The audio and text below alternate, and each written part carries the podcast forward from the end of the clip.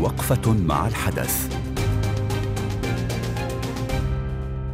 وصلنا إلى فقرة وقفة مع الحدث وفيها نتطرق إلى مفاوضات حاسمة بين تونس وصندوق النقد الدولي للحصول على أربعة مليارات دولار لسد عجز ميزانية 2021 وزير المالية التونسي علي الكعلي قال إن الوفد الحكومي التونسي عرض على ممثلي الصندوق برنامج الإصلاحات الذي تسعى لتنفيذه الحكومة خلال الفترة المقبلة وأفاد أن المؤسسة عبرت عن استعدادها لمساعدة تونس. لكن في المقابل المتحدث باسم صندوق النقد الدولي قال إنه لا يستطيع التأكيد أن الصندوق يناقش برنامجا حجمه أربعة, أربعة مليارات دولار. يذكر أيضا أن اتحاد الشغل أكبر منظمة نقابية في البلاد أعلن رفضه لبرنامج الإصلاحات الاقتصادية الذي كشفت عنه وسائل الإعلام. نناقش هذا الموضوع مع مراسل مونتي كارلو الدولية من تونس ثامر الزغلامي الذي ينضم إلينا مباشرة.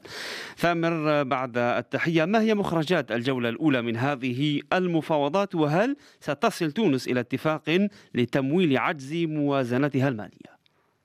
مساء الخير في الحقيقة الوفد التونسي وبعد خروجه من هذه المفاوضات عبر عن تفاؤله آه، وزير المالية علي الكعلي آه، قال أن الوفد المفاوض لمس لدى المسؤولين آه، في هذه المؤسسة الدولية الاستعداد لمساعدة تونس خاصة في ظل هذه الأوضاع الصعبة أزمة كورونا وأيضا أزمة اقتصادية خانقة.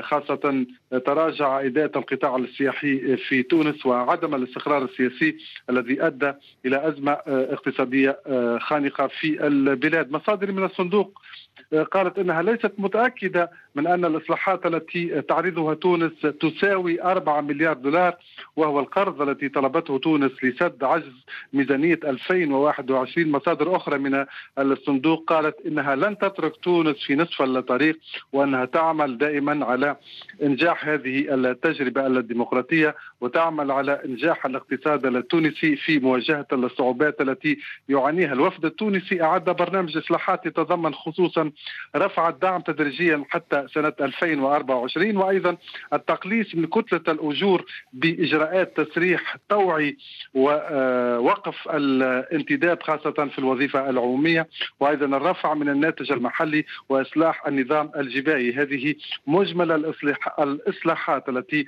عرضتها تونس على مسؤولي صندوق النقد الدولي لمناقشتها في جولات قادمة في انتظار الموافقة على هذا القرض الهام بالنسبة لتونس لسد العجز في موازنتها لهذه السنة. في الحقيقة ربما الوفد التونسي المفاوض سيصطدم بعدم موافقة المنظمات المهنية في تونس ولكنه أكد أن الجولات القادمة ربما نعم. ستكون إيجابية نعم. لحصول تونس على هذا القرض نعم, نعم ثابر تحدثنا عن الموقف عن موقف عن الموقف الخارجي الموقف المنظمات الدولية لكن ماذا بخصوص هذه الإصلاحات التي تقترحها الحكومة هل في رأيك ستلقى موافقة من قبل المنظمات النقابية؟ نعم آه، في الحقيقة اتحاد الشغل آه، أكبر منظمة نقابية في تونس وهو لاعب رئيسي في التوازن السياسي والاقتصادي التونسي عبر عن رفضه لهذه الإجراءات وأكد أنه لم يتفق مع الحكومة على أي إجراءات أو إصلاحات اقتصادية في إشارة إلى آه، لقاءات كانت جمعت سابقا وفود من الحكومة واتحاد الشغل قبل تحول الوفد التونسي الحكومي إلى واشنطن. بعد التسريبات الإعلامية حول المقترحات أو الإصلاحات التي اقترحتها الحكومة على صندوق النقد الدولي اتحاد الشغل على لسان قيادته عبر عن رفضه لهذه الإصلاحات رفضه لما رشح من مفاوضات الصندوق النقد الدولي والمسؤولين التونسيين. لا أعتقد في الحقيقة أن الاتحاد سيوافق على البرنامج خاصة فيما يتعلق بمسألة الدعم. مسألة الدعم آه، خط أحمر كما يقول اتحاد الشغل وأيضا الضغط على أجور هي خط أحمر بالنسبة للاتحاد الشغل.